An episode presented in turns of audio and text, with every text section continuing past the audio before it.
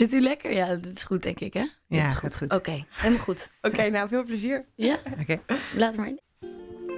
Welkom bij Koffiecode Podcast. De podcast voor en door geneeskundestudenten.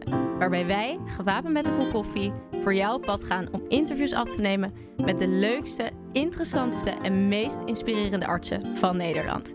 Dit is Koffieco. Hey Ko, ja wat doe je daar? Er staat een carrière voor je klaar. Maar je weet nog niet wat en waar. Een cappuccino maakt het minder zwaar. Dus zet je volumeknop omhoog. Want je luistert Koffie Co en je weet het zo. Pa pa pa pa da ba da ba da. Vandaag weer een nieuwe aflevering van Koffiecode Podcast. Wij zijn Doris. Tessa En Tiara. met vandaag de gast professor Dr. Schepers, psychiater in het UMC Utrecht. Nou, dokter Schepers, welkom. Eh, hoog bezoek vandaag, want we hebben begrepen dat u veel doet in de psychiatrie. Ik ben namelijk naast psychiater ook eh, afdelingshoofd, plaatsvervangend opleider en hoogleraar innovatie in de psychiatrie. Een hele mond vol. Ik ben erg benieuwd naar het specialisme. Maar voordat we daarop ingaan, de belangrijkste vraag. Hoe drinkt u uw koffie? Ik drink hem meestal eh, uit de koffieautomaat om de hoek van mijn kamer. En veel te veel. maar als ik tijd heb en in een cafeetje zit, dan drink ik een cappuccino. Ah, lekker. Doet u dat vaak met vriendinnen even een kop Te koffie weinig, drinken? veel te weinig. ja. Niet genoeg tijd voor. Nee, ik heb natuurlijk naast mijn werk ook nog een man en kinderen, waar ik ook tijd aan besteed. Dus ehm, ja, het schiet er wel eens bij in om dan ook nog allerlei activiteiten te plannen en te doen met Ja. vrienden. Ja. Begrijpelijk. En cafeïne en psychiatrische stoornissen. Hoe beïnvloeden die elkaar? Ehm, nou, cafeïne is een, is een upper. Hè? Dus als je cafeïne drinkt, dan kun je beter concentreren. Ben je scherper. Dus daar gebruik ik het vooral ook voor. het is ook verslavend. En verslaving is ook een psychiatrische aandoening. Er wordt veel koffie gedronken in de psychiatrie. Ja. Oké. Mooi. Wij lazen dat u, eh, dat u ook hier in Utrecht eh, heeft gestudeerd. U bent Ja. hier ook co-assistent geweest. Klopt. Hoe was u als co-assistent? Oeh. ik was denk ik niet een model co-assistent. Want ik heb ongelooflijk getwijfeld aan de, aan de studie geneeskunde. Nou, niet eens zozeer aan de studie, maar wel tijdens mijn kooschappen aan zeg maar, het, de professie arts of, of wat je dan gaat worden. Ehm, omdat ik het ziekenhuiswezen niet heel erg inspirerend vond. Ik vond het vooral heel hiërarchisch ingericht. En als co-assistent sta je dan natuurlijk onderaan de ladder. En ehm, Kom bekend voor. kom bekend voor. ja. En ik vond dat eigenlijk helemaal niet eh, een goede manier van samenwerken. En ehm, ik vond ook dat eigenlijk patiënten vaak als objecten werden gezien in plaats van als mensen. En zeker niet als gelijkwaardige gesprek, gesprekspartners. Dat was in mijn tijd. Hè. Dat is inmiddels denk ik wel wat beter geworden. Maar ik heb vaak op het punt gestaan om mijn eh, ECG-karretje in de gang te laten staan en naar huis te rijden. En een sieradenwinkeltje te beginnen. ja. ja, het is nog steeds mijn, mijn ultieme target om ooit een sieradenwinkeltje te hebben. Oh ja? dat, dat, dat relativeert ook alles wat ik doe, dus dat is heel prettig. Ja, dat kan ik me voorstellen. Ja. Ja, want u heeft dus ook uw kooschappen hier in het eh, UMC Utrecht gelopen. Eh dat is eigenlijk best gek dan, want u ziet veel van uh, co-assistenten die in hetzelfde schuitje als u hebben gezeten toen der tijd. ja, Hoe is dat voor u? Nou, het is wel heel lang geleden hoor, dat ik co-assistent was. Ehm, en ik ben natuurlijk daarna nog een hele tijd artsassistent geweest. Daar maak je ook weer van alles in mee. Dus ik sta dichter bij de artsassistenten dan bij de co-assistenten, zou je kunnen zeggen. Ehm, ik heb wel met de co-assistenten af en toe nog te maken. Bijvoorbeeld de klinische rondes. Dan presenteren de co-assistent een patiënt. En dan spreek ik die patiënt of de co-assistenten spreken de patiënt zelf. En dan hebben we het erover met elkaar. En dan merk ik een paar dingen. eh, Dat co-assistenten van tegenwoordig veel mondiger zijn dan de co-assistenten van, eh, van mijn tijd. Eh, dat ze veel jonger zijn. maar dat lijkt alleen maar zo. Maar in- ik, ik vind ze echt ongelooflijk jong. Dus ik denk dan, jeetje, die, die worden dadelijk arts, zeg. Ongelooflijk. Hoe En eh, ja, Ja. vlotter en, en, en ehm, ja, mondiger dus nogmaals. Dat, dat, dat valt me heel erg op. En, Ja. Denkt Nou. dat dat goed is? Dat ze, Absoluut, is heel goed. komen ze voor zichzelf op? Ja, misschien nog niet eens sterk genoeg. Dat mag nog wel, nog wel meer, denk ik. Het is heel belangrijk dat je eh, kritisch bent, artsen sowieso zouden veel kritischer moeten zijn naar elkaar toe en naar zichzelf toe. Zelfreflecterend vermogen is voor artsen ongelooflijk belangrijk, denk ik, om een goede arts te blijven. Als je dat jarenlang bent, dan moet je uitkijken dat je niet in patronen of routines uh, terechtkomt. Dus je moet zelfreflectief vermogen hebben, maar ook kritisch zijn naar de ander en dat hardop durven zeggen. Want, want dat is eigenlijk het, het reflecterende vermogen van een afdeling of van een, van een organisatie, van een ziekenhuis. Dus dat is wel een, een eigenschap die uh, kan bijdragen aan een, aan een goede professional worden, denk ik. En blijven. Was u zelf ook een vlotte co-assistent? Nou, nee, niet echt, geloof ik. Nou, ik, ik, ja, ik heb dus dat, dat hele ziekenhuis gebeuren en dat al die specialismen. ik, was niks voor u. Nee, het was eigenlijk niks voor mij. Nee. Toch bent u er beland. er wel. Ja, ja, ja, dat is heel stom. Maar ik ben zo'n type wat altijd afmaakt waar je aan begint. Weet je? En ik, gek, ik begon aan geneeskunde in de, in de veronderstelling dat ik met de mens te maken zou hebben, maar dan vooral de gezonde mens. Dat, dat had ik in mijn hoofd. Dan, dat ik dan ga begrijpen hoe mensen in elkaar steken. En toen kwam ik er natuurlijk pas tijdens mijn kooschappen af, achter dat het vooral de zieke mensen was waar ik mee te maken kreeg. Dat is toch een hele andere verhouding heb je daarmee. En nou ja, zeker dan dat, dat hele systeem van, van co-assistenten, artsassistenten, specialisten, verpleegkundigen, hoe dat allemaal zo functioneert. Nee, het is, het is, het is eigenlijk niet per se mijn wereld. Uh, nee. nee. Uiteindelijk heeft hij dus gekozen eigenlijk voor de geestelijk zieke mens. Ja. Maar het begint met de keuze voor de studie geneeskunde. Hoe bent u daarop gekomen? Nou, ik. Uh, achteraf denk ik, waarom ben ik eigenlijk geen wiskunde gaan studeren? Dat paste heel erg bij mij. Dat vond ik heel erg leuk om, om te rekenen. En... Waarom past dat bij u? Ja, omdat ik hou van, van uh, puzzels en, en sommen die kloppen. Dat er een uitkomst is die klopt. En dat is in de gezondheidszorg niet zo. Dat is veel complexer en dynamischer. En dat glipt eigenlijk tussen je vingers door zodra je denkt dat je het vast hebt. Vooral in de psychiatrie lijkt me. Zeker in de psychiatrie, ja, zeker. Maar goed, dus dat, dat kwam niet in me op dat je als meisje ook wiskunde kon gaan studeren. Dus ik, ik moest een vak kiezen, dacht ik. En uh, toen heb ik ook al wel snel gedacht: psychiatrie is misschien wel interessant. Want ik vond de psyche van de mens wel interessant. En daar moest je geneeskunde voor studeren. Dus toen ben ik geneeskunde gaan doen. En toen dacht ik: maak ik het maar af. Terwijl ik eindeloze fysiologieboeken door moest waar ik niks aan vond. En toen kwamen dus die kooschappen. Toen dacht ik, ach jee, dit ziekenhuis, daar ga, ga ik nooit in overleven. Maar heb ik toch maar afgemaakt. En toen rolde ik zo onderzoek in. Ben ik gaan promoveren eerst en toen de opleiding gaan doen. En uiteindelijk is het natuurlijk heel erg leuk allemaal. En, uh, ja. ja. U bent psychiater. Dat is in mijn ogen best wel een spannend vakgebied. Wilt mhm. u eens kort toelichten wat dat precies is, psychiatrie? Ja, psychiatrie houdt zich eigenlijk bezig met uh, een ontregeling van het gedrag en het denken en het voelen. Eén van die drie of twee van die drie of alle drie is verstoord. En dat kan in aanleg al zo zijn. Dat zie je natuurlijk vaak bij kinder- en jeugdpsychiatrische stoornissen. Of later in het leven ontstaan. Bijvoorbeeld bij een psychose of een depressie of een angststoornis. En nou ja, die ontregeling heeft zeer waarschijnlijk wel iets te maken met een verhoogde kwetsbaarheid in aanleg. Hè? Want eigenlijk zijn alle mensen wel kwetsbaar, zou je kunnen zeggen, maar de een wat meer dan de ander.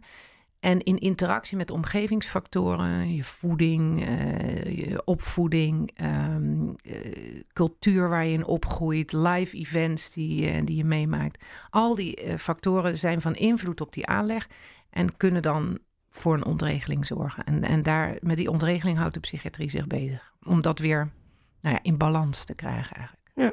Oké, duidelijk. En um, waarom is psychiatrie dan het leukste specialisme dat er is? Wilt u dat voor ons pitchen in de specialistenpitch? Dat wil ik wel natuurlijk. De specialistenpitch. 30 seconden waarin jij de geneeskundestudenten ervan overtuigt om voor jouw specialisme te kiezen. Nou, psychiatrie gaat over wie je bent en niet over wat je hebt. Eigenlijk de kern van ons bestaan. Wie ben ik? Daarom is psychiatrie eigenlijk een samen voegsel van geneeskunde, geesteswetenschappen en sociale wetenschappen, wat het een ongelooflijk interessant vak maakt, omdat je ontrafelt hoe, hoe mensen in elkaar zitten. Perfect, binnen de tijd. Binnen de, tijd. dat gebeurt niet vaak. Kort en krachtig. Ja, leuk. Um, nou ja, we hebben nu een beetje uitgelegd wat het vak inhoudt. Maar hoe ziet uw dag eruit? Ja, mijn dag is misschien niet een typische psychiaterdag, omdat ik natuurlijk ook afdelingshoofd ben, dus wat saaiere dingen. Maar een niet-manager-psychiater, die eh, begint zijn dag met een ochtendoverdracht. Daar zit ik overigens zelf ook altijd wel bij. En eh, daar worden alle, nou ja, zaken van de avond en de nacht besproken. En dan gaat hij naar zijn afdeling en dan gaat hij samen met de artsassistent de patiënten spreken op die afdeling die uh, die dag wat extra aandacht nodig hebben of waar beleid voor gemaakt moet worden. En dat zijn dan mensen met een psychose of een ernstige depressie of uh, ernstig autisme, waarbij, nou ja, even de controle kwijt is, zal maar zeggen. Uh, die een opname nodig hebben. Of mensen die heel suicidaal zijn. Ja, daar ga je dan het gesprek mee aan. En dan ga je kijken wat kunnen we doen om de balans zo snel mogelijk weer te herstellen. Met medicijnen of met gesprekken of met allebei. Of activiteiten of psychomotoren therapie. En als dan de balans weer hersteld is, dan gaan die mensen meestal naar huis. Dat gaat tegenwoordig veel sneller dan vroeger. Vroeger waren ze soms jaren opgenomen. Zo. En nu hebben wij een gemiddelde opnameduur van zes weken op onze crisisafdeling en zes, drie tot zes maanden op de behandelafdelingen. En als je dan naar huis gaat, ga je op de poli verder. Dus dan kom je af en toe voor een gesprek. Kijk je hoe het gaat. Nou ja, ga je zo aan verder herstel werken met iemand. En kunnen de meeste van die mensen dan echt weer goed functioneren in de maatschappij? Nou, helaas uh, zien we bij de groep waar wij in het UMC Utrecht mee te maken krijgen, dat zijn echt ernstig ontregelde mensen, zien we dat een heel groot deel van de mensen het heel moeilijk vinden om weer terug in die samenleving te komen en weer een baan te vinden. Laat, uh, zeker een betaalde baan, dat is ontzettend moeilijk. Uh, een huis te vinden, een gezin bijvoorbeeld te stichten of een sterk sociaal netwerk op te bouwen. Dat is ontzettend lastig voor, uh, voor veel mensen. En daar besteden we eigenlijk ook een beetje te weinig aandacht nog aan, zou ik Hm. zeggen. Komt dat dan ook omdat ze een bepaalde stempel opgedrukt hebben gekregen? Dat ze dan minder makkelijk nog weer een baan gaan kunnen vinden? Ik denk dat dat wel een factor is die van invloed is. Ja, het stigma op, op psychiatrische aandoeningen is heel groot. Patiënten hebben daar ook last van. Maar we doen er ook aan mee als professionals. Uh, we hebben heel lang psychische ziektes echt als ziektes bestempeld. Hè? Dus uh, wat natuurlijk al snel uh, de suggestie wekt dat je gek kunt worden. En dat mensen die dat niet worden gezond zijn in hun hoofd. Terwijl als we kijken naar het onderzoek van de afgelopen 30 jaar, dan, dan zien we eigenlijk een veel genuanceerder beeld. Dan zien we eigenlijk een, een dimensionele verdeling tussen wat we dan gek noemen en normaal noemen. Hè? Dat, dat eigenlijk alle mensen wel eens sommige periodes hebben of angstig zijn of sociaal onhandig of druk en ongeconcentreerd. En in, in die normaalverdeling zitten er mensen in het uiterste uh, en de meeste mensen in die middenmoot. Um, maar dat maakt nog niet dat die mensen in die uiterste uh, echt gestoord of ziek in hun hoofd zijn. Ze zijn eigenlijk een, een uitzondering op de variatie, op thema, op het thema mens, zou ik maar zeggen. Hè? Dus Ja. Je, moet het meer zien als een extreme uh, in een normaalverdeling. Dus Ja. iedereen heeft eigenlijk wel een beetje aanleg om... Absoluut, absoluut. En dat zie je ook, want als mensen drugs gaan gebruiken, kunnen, ze psychotisch worden. Mensen van 80 die geopereerd worden, worden delirant. Uh, Ja. Dus je kunt het, psychiatrische symptomen kun je ook ontlokken bij mensen die misschien in aanleg niet zo kwetsbaar daarvoor zijn, maar die het dus wel kunnen worden als, uh, als je maar de juiste triggers of prikkels erop zet. Ja, en u bent eh, psychiater, maar als aandachtsgebied heeft u eh, kinderpsychiatrie en jeugdpsychiatrie. Mhm. Ehm, hoe verschilt dat van volwassen psychiatrie? Nou, allereerst eh, zijn eh, de meeste kinderjeugd, of de belangrijkste kinderjeugdpsychiatrische stoornissen, zoals ADHD en, en autisme, dat zijn stoornissen die je vaak al zo'n beetje op hele jonge leeftijd ziet, hè, in, Mhm. in aanleg aanwezig ziet. En soms wordt het pas later gediagnosticeerd, maar we gaan er wel van uit dat het eigenlijk iets is waar je mee geboren wordt, zullen maar zeggen. Hè? Een- kwetsbaarheid die je, die je al hebt vanaf de geboorte. Terwijl de meeste volwassen psychiatrische aandoeningen, eh, depressie, psychose, die openbaren zich eigenlijk later in het leven.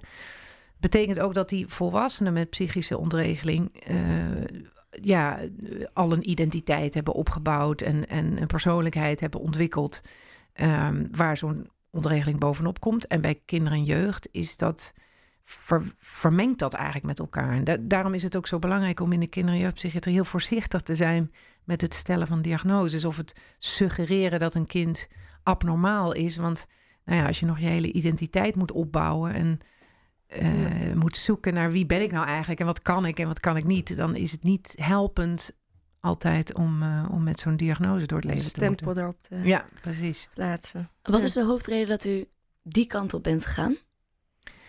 Kinder en jeugd. Ja. Ja, dat, daar, ook daar, dat klinkt wel een beetje als een, als een rode draad in mijn leven. Maar daar ben ik dus ook een beetje in gerold. dat was eigenlijk helemaal niet mijn bedoeling. Want ik was volwassen psychiater en ik vond dat, vond dat gewoon heel erg leuk. Eh, daar kun je ook, met volwassenen kun je ook gewoon een goed gesprek voeren. Hè? Met kinderen en jeugd is dat toch wat lastiger nog. Ehm, maar er was een, een plek bij de kinder- en jeugdpsychiatrie... Die, die ging over psychotische stoornissen bij jeugd. En, en ik had eh, promotieonderzoek gedaan naar psychose. En toen vroegen ze eh, van... zou jij dan op die plek eh, willen gaan zitten... en dat willen opzetten, die poli? Dus dat heb ik gedaan. En toen heb ik natuurlijk ook mijn aantekening kinderjeugd gehaald... omdat je anders niet met kinderen en jongeren mag werken officieel.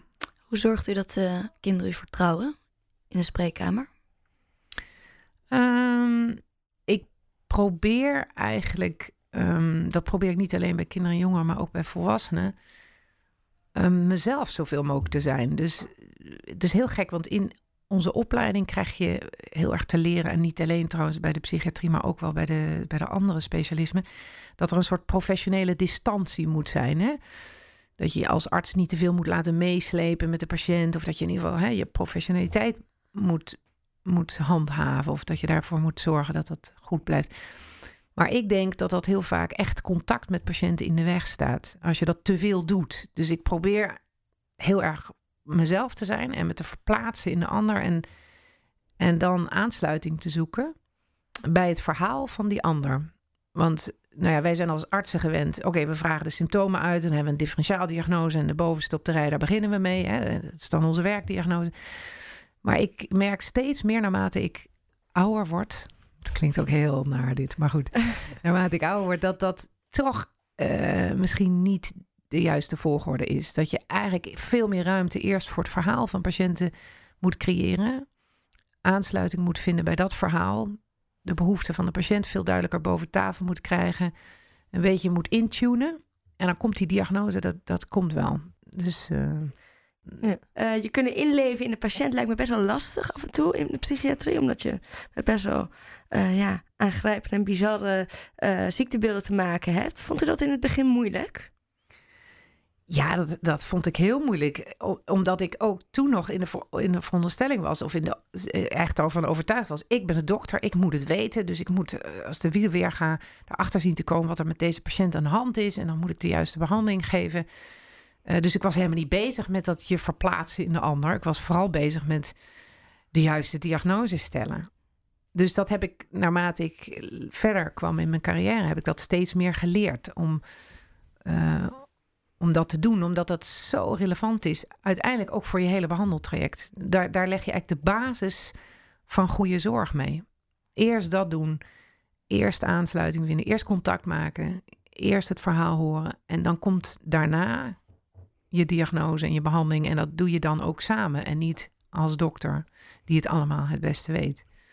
Dus eigenlijk die professionele distantie die ons toch wel in, ons, eh, in onze opleiding wordt geleerd, is niet altijd de, ju- nee, is is niet juiste zaligmakend. pa- Nee, zeker niet. En soms, nee. soms moet je het doen, hè? Want wij hebben natuurlijk ook wel patiënten waar je je echt in kunt verliezen. Eh, zeker in de psychiatrie heb je soms patiënten die echt onder je huid gaan zitten, zo noemen we dat dan. Dat, eh, Kunt u daar iets meer over vertellen? ja, die, die je proberen te manipuleren.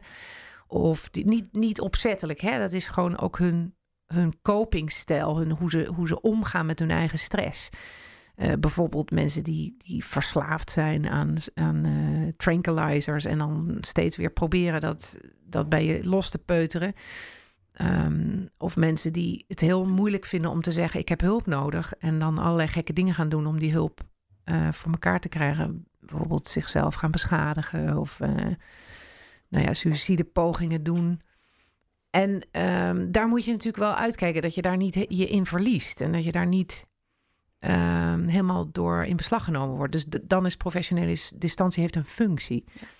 Maar als het gaat om de relatie die je wil hebben met de patiënt of moet opbouwen met de patiënt, dan, dan zit het eigenlijk alleen maar in de weg. Moet je dat los kunnen laten? Dan moet je dat absoluut los kunnen laten. Dan moet je gewoon jezelf kunnen en durven zijn. En durven zeggen tegen de patiënt: Ja, ik weet het eigenlijk op dit moment ook niet zo goed. En ja, we kunnen dit proberen, maar we kunnen ook dat proberen.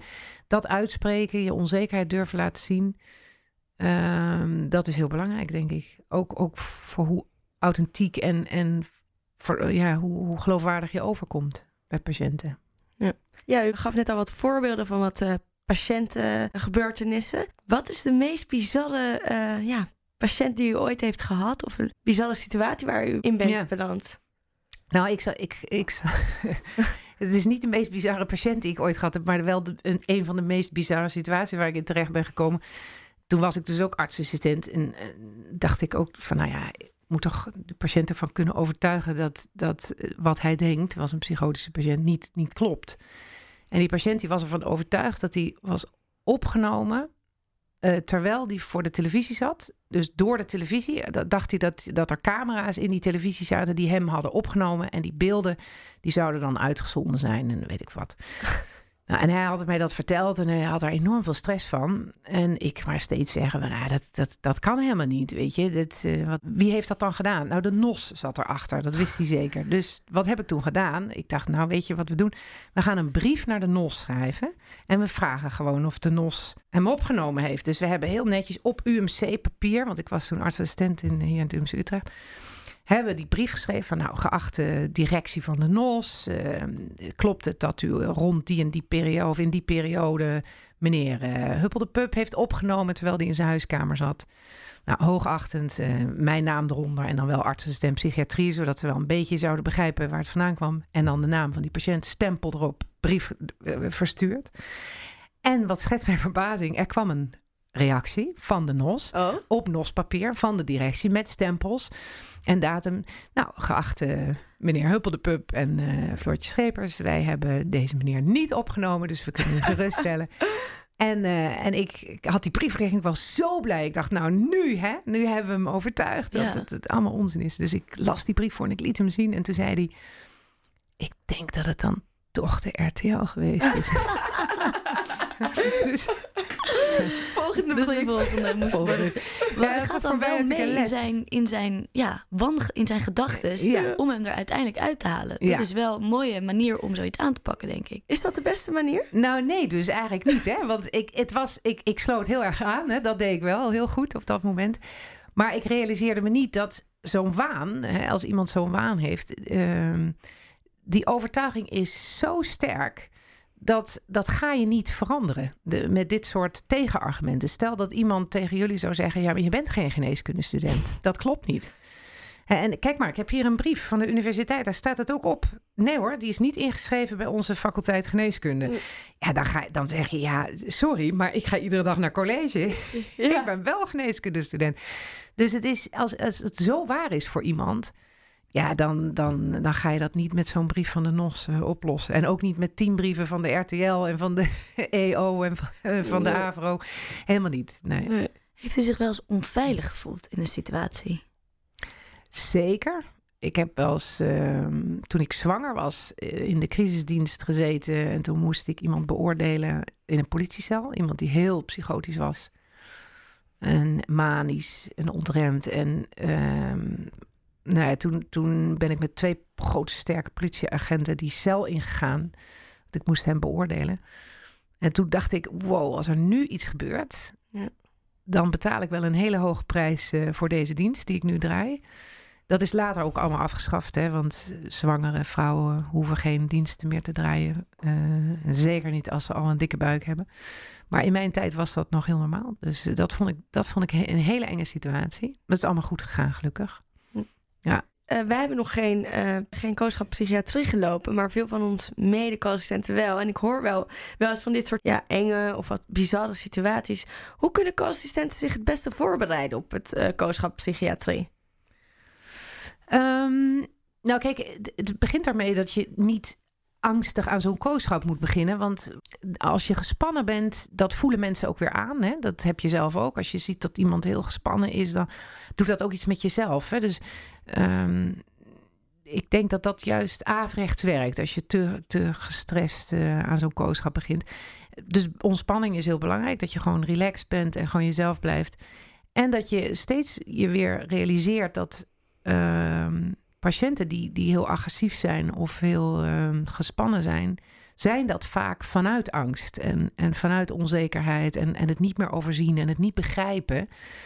Ehm, dus als je dat als uitgangspunt neemt ehm, en dus, dus de situatie zo probeert te maken dat die wat overzichtelijker is en wat prettiger wordt en, en wat minder geladen wordt door niet te dicht bij zo'n patiënt te gaan staan, maar een beetje afstand te houden en rustig te praten en aardige dingen te zeggen, dat je dan ehm, niet zo bang hoeft te zijn.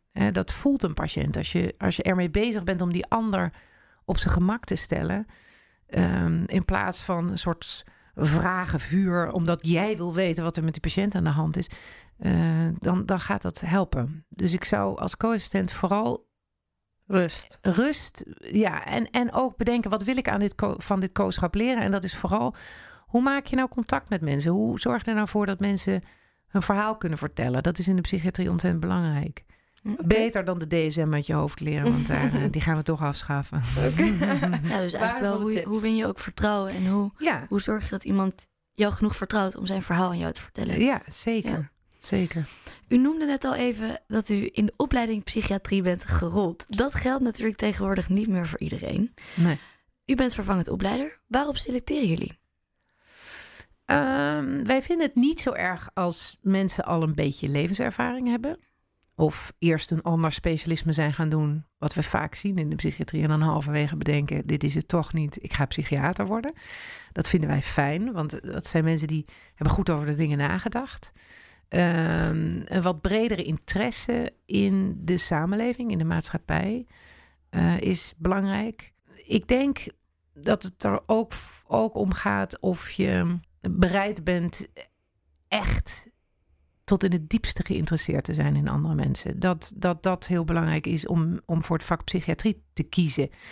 Als je echt wil weten waarom iemand doet zoals die doet, of dus echt in de mens geïnteresseerd bent, dan, uh, dan pikken we dat eruit. Dat soort vragen stellen we ook wel aan uh, artsen of mensen die in, in opleiding willen komen bij ons. En natuurlijk ook voor het UMC Utrecht geldt, als je het leuk vindt om onderzoek te doen, dan ben je welkom. Als je het leuk vindt om iets extra's met onderwijs te doen of met beleid. Of een, en zeg maar, wij zeggen wij geven een opleiding psychiatrie met een plusje. Dus we vinden het leuk als we artsassistenten krijgen die ook iets anders willen doen dan alleen maar opgeleid worden tot psychiater.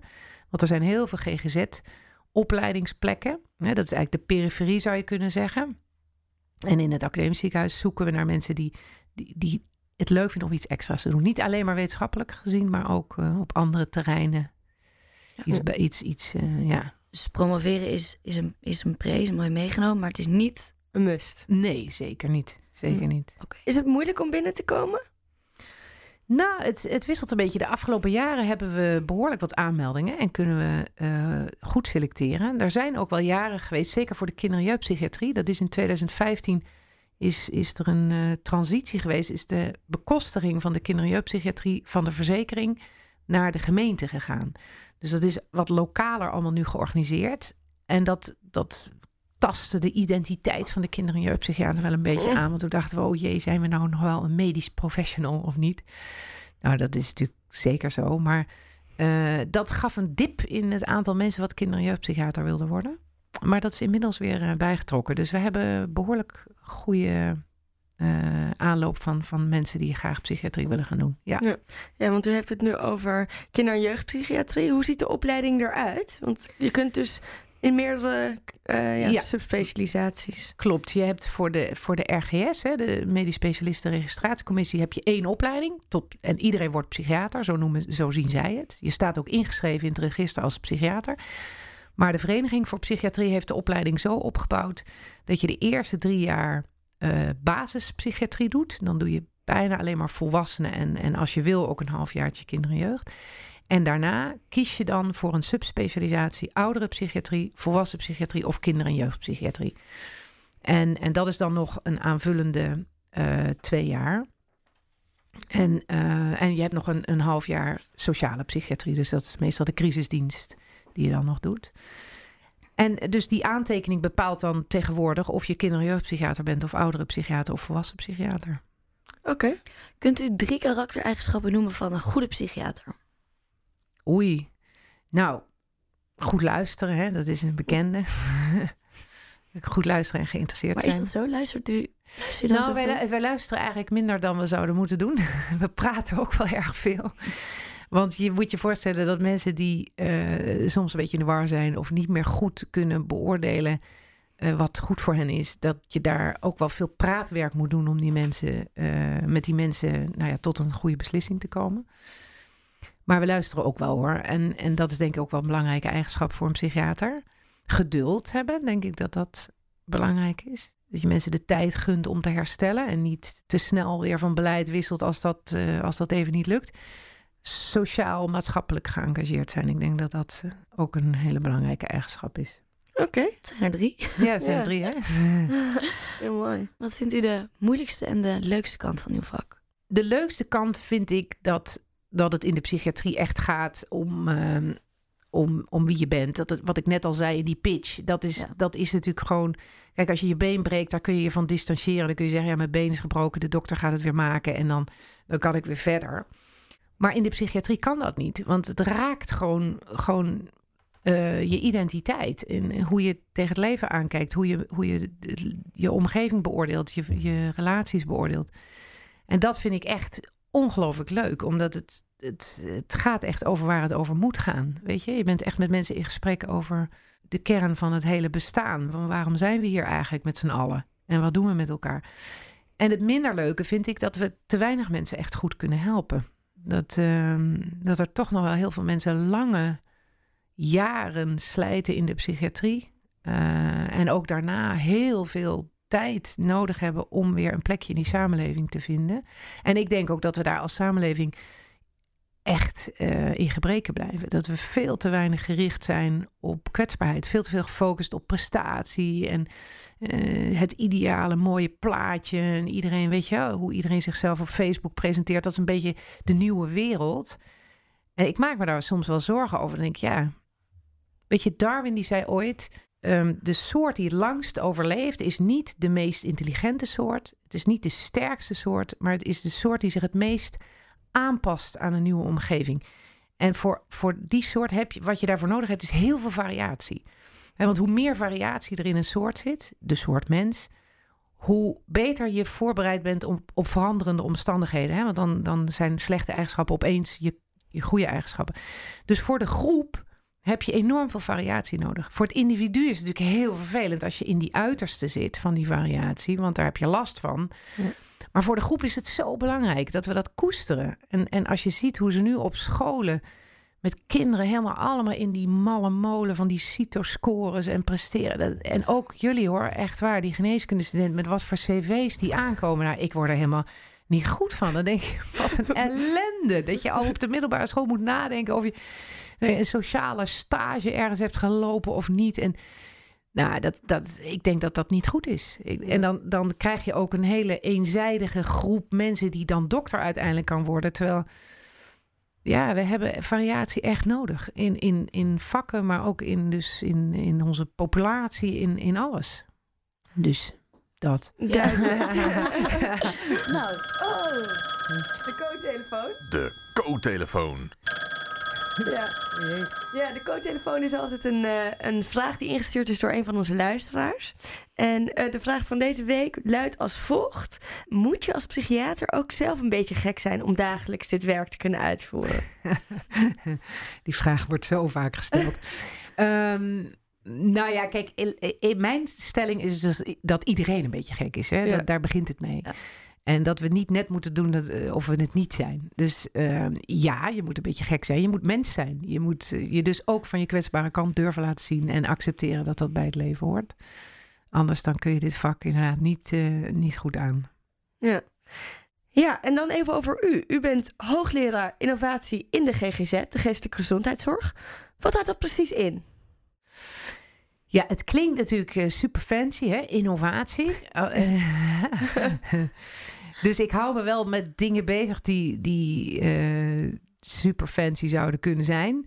Zoals big data en eh, CNET, dat is een digitale tool om netwerkzorg te realiseren. En allerlei e-health en applicaties en allemaal dat soort nieuwe technologische. Klinkt wel Eh, fancy. Klinkt Ja. fancy.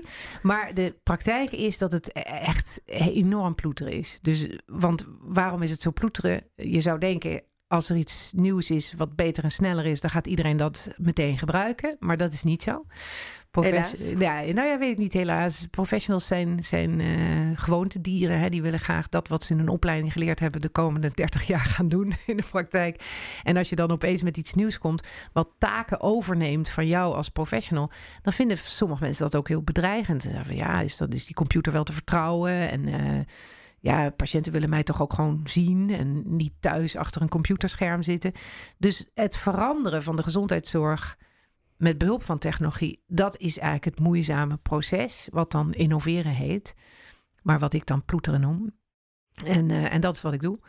Dus eh, Waar gaat de psychiatrie naartoe over, zeggen, vijf, tien jaar?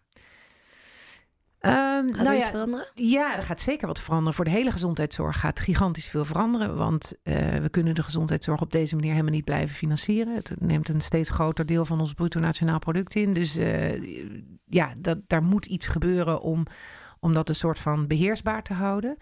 Dus dat betekent dat heel veel taken die nu door artsen en verpleegkundigen gedaan worden, overgenomen gaan worden door technologie. De- Het grootste probleem gaat niet eens zozeer de financiering van die zorg zijn, als wel het feit dat we de vacatures niet opgevuld krijgen. Hè. Het aantal verpleegkundige vacatures is, is schrikbarend hoog. En, nou, dus we moeten het anders gaan doen. En dat betekent dat er meer thuis moet, meer digitaal moet.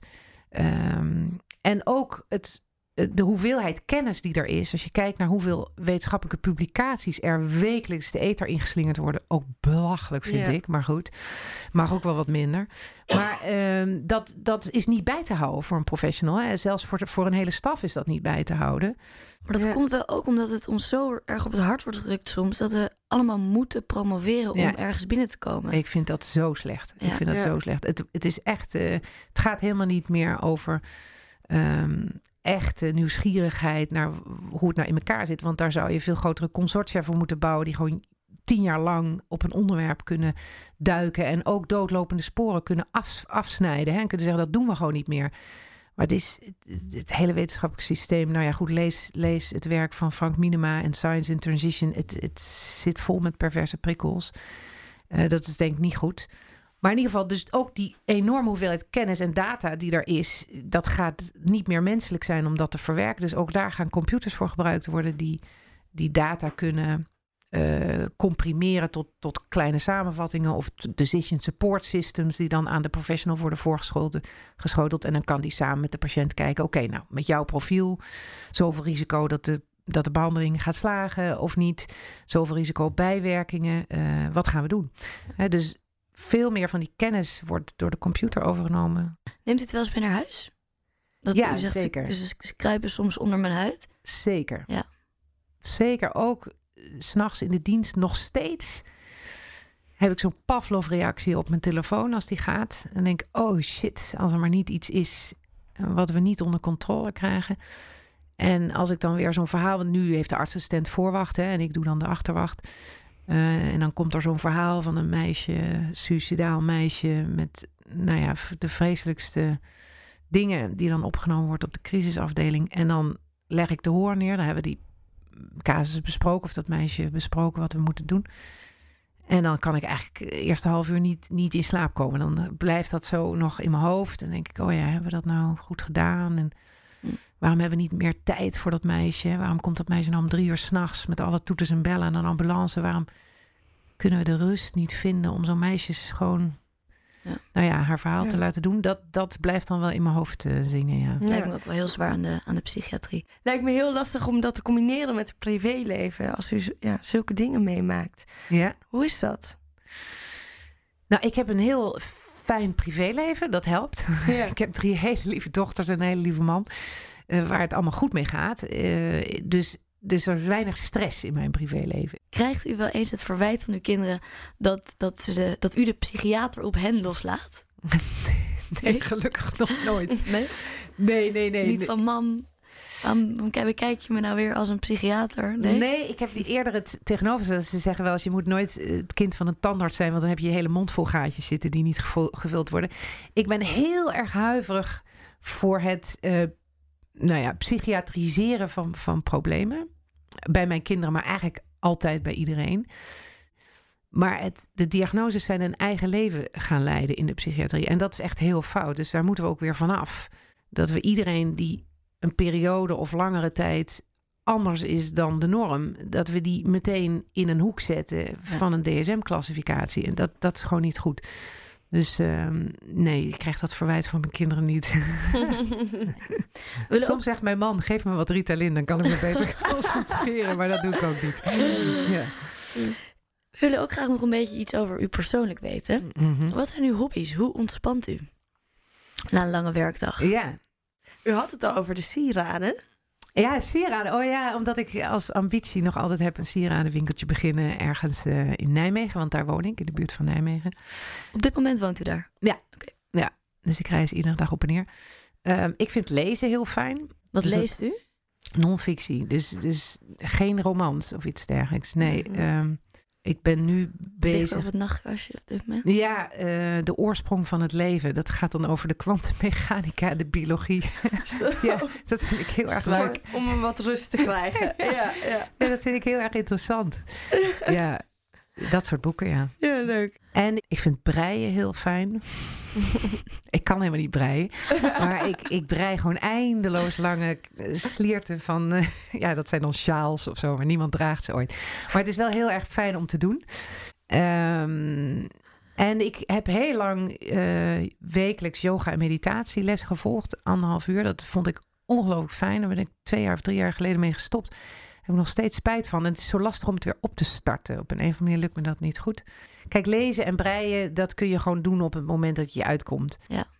We vragen u straks ook nog om een laatste tip te geven aan de co-assistent. Heeft u zelf ooit een tip in uw leven gehad waar u veel aan heeft gehad? Oeh, een tip waar ik veel aan heb gehad. Nou, iemand heeft ooit wel eens tegen me gezegd: als je je eigen feestje maakt, dan gaan er op een gegeven moment mensen komen. Dus eh, met andere woorden, als je het ergens niet naar je zin hebt of je, of je, bent, je voelt je ergens niet senang, zorg dan gewoon dat je de dingen gaat doen waardoor het leuk wordt. Hè? En dat heb ik ook heel erg gemerkt in het UMC Utrecht toen ik daar weer terugkwam. Want ik heb een tijd in het Radboud gezeten. Ehm, ik was weggegaan uit, uit het UMC Utrecht omdat ik die hiërarchie niet fijn vond. En het niet fijn vond hoe dominant eigenlijk het wetenschappelijk onderzoek was ten opzichte van de zorg. Dat soort aspecten. Toen kwam ik terug en toen dacht ik: oké, als ik nu de kans krijg om het anders te gaan doen, dan, ehm, nou, dan, dan moet ik die kans niet uit de weg gaan. En toen ben ik gewoon begonnen met dingen doen waarvan ik dacht: dit is leuk en dit is goed. En dan vertrekken er mensen, maar er komen ook heel veel nieuwe mensen die zeggen: Wauw, dit is leuk, dit is een leuk feestje.